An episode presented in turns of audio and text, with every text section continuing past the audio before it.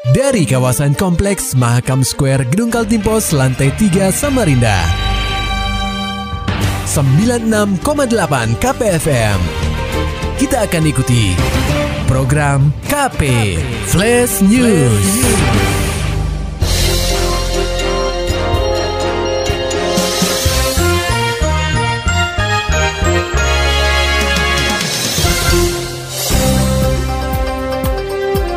Anda sedang menyimak program Cafe Flash News bersama saya Agung Pratama.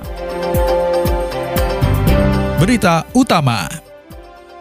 Ratusan calon jamaah haji asal Samarinda akhirnya menerima suntikan vaksin COVID-19 di kantor Kementerian Agama atau Kemenak Kota Samarinda, Jalan Harmonika, Kelurahan Dadi Mulia, Kecamatan Samarinda Ulu, Jumat 26 Maret 2021. Tampak Wakil Wali Kota Samarinda, Rusmadi, turut memantau proses vaksinasi kepada calon jamaah haji asal kota tepian ini. Ditemui usai kegiatan, orang nomor 2 di Samarinda ini mengatakan bahwa ada sekitar 539 jamaah haji yang menerima suntikan vaksin COVID-19 yang dibagi dalam empat tahapan. Jadi eh, para jamaah mudah-mudahan besok sudah selesai ya. Sudah selesai. Sholat. Jadi 539 ini yang divaksin. Memang dari 500 eh, dari 576 ya. 76 yang mendaftar, ada yang tidak menyelesaikan Pelunasan. pelunasan karena beberapa faktor. Jadi sampai saat ini posisi siap 539 yang divaksin. Rusmadi menuturkan vaksin ini memang disediakan khusus oleh Pemkot Samarinda bagi calon jamaah haji. Namun tidak semua dari mereka menerima suntikan saat pelaksanaan vaksinasi massal. Ini kan yang pasti ini kan diberikan waktu. Termasuk juga pada saat vaksin kadang-kadang tekanan, Tekanan naik, naik, ditunda ya ditunda. Yang jelas siapa yang sudah mendaftar haji eh, dengan alasan apa pun diprioritaskan untuk vaksin.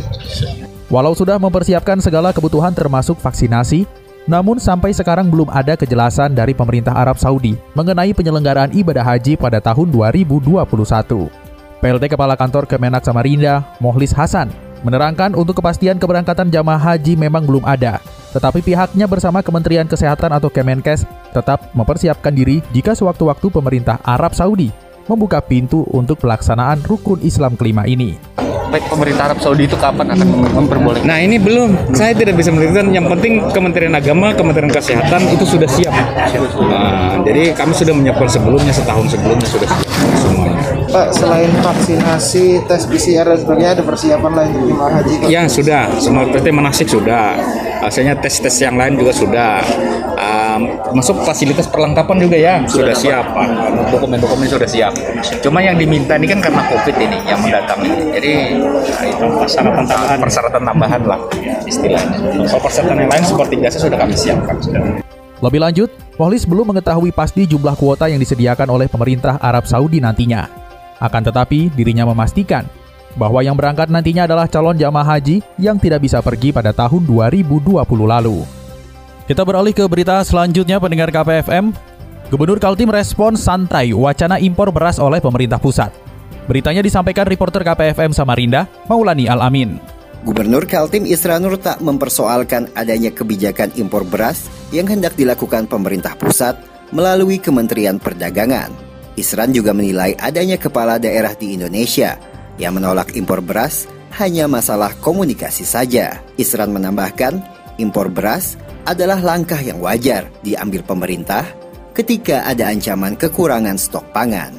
Khusus di Kaltim, Isran bercerita, termasuk daerah yang masih mendatangkan beras dari Pulau Jawa dan Sulawesi. Beras itu kalau memang benar-benar ada ancaman kekurangan stok supply kan begitu. Kalau di Kaltim, Pak, Nah, ketersediaan Kaltim itu setiap tahun impor beras. Kan begitu. Nah itu untung, untungnya kita mendatangkan beras karena belum bisa mengekspor beras. Dari masuk dari Jawa dari Sulawesi. Dilansir dari JPNN, bahwa dalam rapat dengar pendapat Komisi 6 DPR RI Senin 22 Maret 2021, Menteri Perdagangan Muhammad Lutfi berkukuh tetap mengimpor beras, meski kebijakan itu tidak populer. Karena kebijakan itu ada sebelum dirinya menjabat demi menambah stok cadangan beras sebanyak 1 sampai 1,5 juta ton. Sementara itu, Gubernur Jawa Timur Khofifah Indah Parawansa menyatakan provinsinya tidak perlu beras impor.